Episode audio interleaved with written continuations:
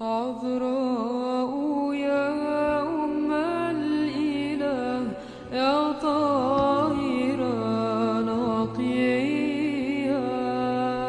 La det forgjengelige lys fra din åpenbaring skinne i våre hjerter, o menneskekjære Herre.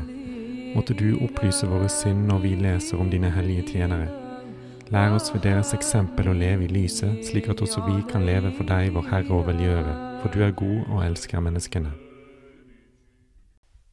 Den 27. desember minnes vi den hellige første martyr og erkediakon Stefanus.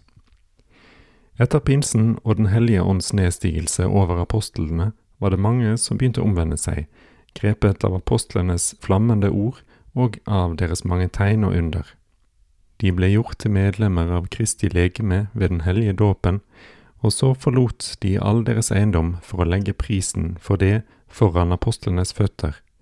Og slik frigjorde de seg for hvert bånd og hver tilknytning til denne verden, og de levde i fellesskap og hadde bare ett hjerte og én sjel.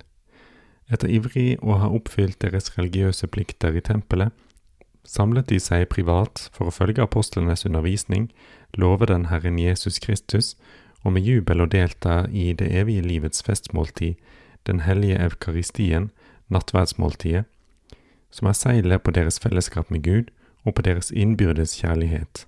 Apostelgjerningene 2, 42-47. Da disiplenes tall ustanselig økte, besluttet de tolv å utpeke syv brødre som var eh, høyt verdsatt av alle for deres visdom og fylt av Den hellige ånd, til å være deres hjelpere, og de fikk særlig ansvar for de materielle behovene som fellesskapet hadde, og de bidrog særlig under fellesmåltidene og ved å hjelpe enkene og de arveløse, og slik slapp apostlene å bekymre seg om dette og kunne vie seg helt til bønnen og læren. Disse sju diakonene som apostlene la hendene på, var Stefanus, Philip, Prokorus, Nikanor, Timon, Parmenas og Nikolaus, apostelgjerningene 6, 16. Diakonenes leder Stefanus virket likevel utenfor rammene av det som hadde med fellesskapets materielle behov å gjøre. Oppfylt av Den hellige ånds nåde til å utøve under og til å tale med Guds sendebuds myndighet, vakte han alles beundring til en slik grad at en dag var det noen jøder som var rasende over at de ikke kunne svare på hans argumenter, og derfor rettet de en falsk anklage mot ham. De anklaget ham for gudsbespottelse og brudd på lovens regler, og de stilte ham derfor for rådet, yppersteprestens domstol. Den unge mannen gikk uten frykt fram for dommerne, og den ånden som Kristus har lovet å gi sine disipler under slike omstendigheter, Matteus 10,19, inngav ham en flammende tale, og der minnet han de forherdede jødene om hvilken velvilje og hvilken tålmodighet Gud ikke hadde opphørt med å vise mot sitt folk, idet han hadde lovet patriarkene sin pakt og uavlatelig kommet sine utvalgte til hjelp. Under, tegn, strålende gjerninger, løfter, fryktinngytende åpenbaringer gitt til Moses på Sinai, i ørkenen og i hele Israels historie. Alt dette gjorde Gud for å utfri sitt utvalgte folk fra avgudsdyrkelsen. Men de sto imot, og da den rettferdige, frelseren og forløseren, løftet til patriarkene og oppfyllelsen av profetiene kom til jorden, viste de det samme uomskårne hjerte, de samme hardnakkede motstand mot Den hellige ånds vei. Slik var deres fedre, og slik er dere. Har det noen gang vært en profet som fedrene deres ikke forfulgte? De drepte dem som på forhånd forkynte at den rettferdige skulle komme, og nå har dere forrådt og myrdet ham, dere som mottok loven på befaling fra engler, men ikke holdt den. Guds nåde som oppfylte Stefanus' hjerte og gjorde det himmelen lik, fikk disse inspirerte ord til å velle fram fra hans munn, og den bredte seg også ut på hans legeme og fikk hans ansikt til å stråle av et guddommelig lys, liksom Herren på hans forklarelsesdag. Idet de jødene som satt i domstolen så ham annerledes, kledt i funklende herlighet liksom en Guds engel, skar de tenner av hat, og deres forbitrelse brøt ut da han løftet øynene mot himmelen og så Guds herlighet og Jesus stående ved Faderens høyre hånd. Han så ham like så tydelig som når han vil komme ved tidens ende, og den hellige utbrøt, Jeg ser himmelen åpnet og menneskesønnen stående ved Guds høyre hånd.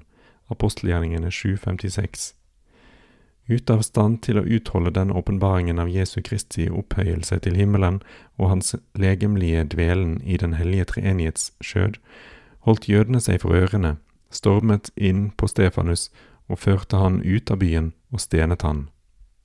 Mens de slo han i hjel, lovpriste Stefan Gud og strålte av glede over å få følge sin mesters forbilde, og de steinene som han kastet mot han, ble for ham som en stige som førte han opp mot det herlighetsfulle synet av Kristus.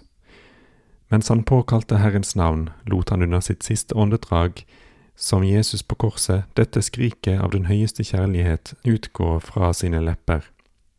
Herre, tilregn dem ikke denne synd. Apostelgjerningene 760.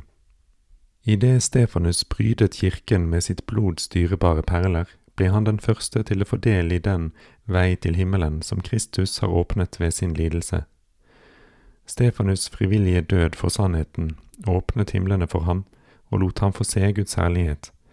Hans fullkomne kjærlighet til Gud og til sin neste, selv inntil tilgivelsen av hans bødler, har gjort at han sitter i første rekke blant Guds venner. Derfor kan martyrenes ivrige beundrere, som i dag betrakter det lyset, blandet med Betlehemstjernens lys, som stråler på Stefanus' ansikt, stolet tillitsfullt på hans forbønn.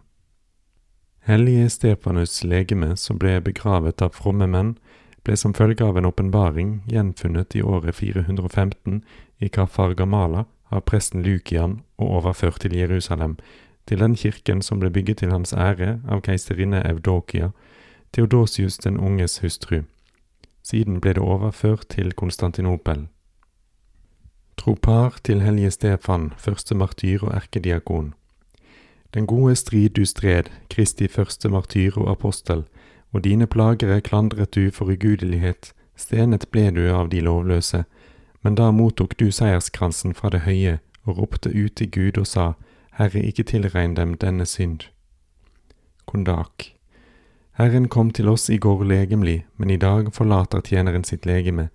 I går ble han født som er herre over alt kjød, i dag stenes hans tjener til døde. Men det er for ham at den hellige Stefan dør, som første martyr. Avro.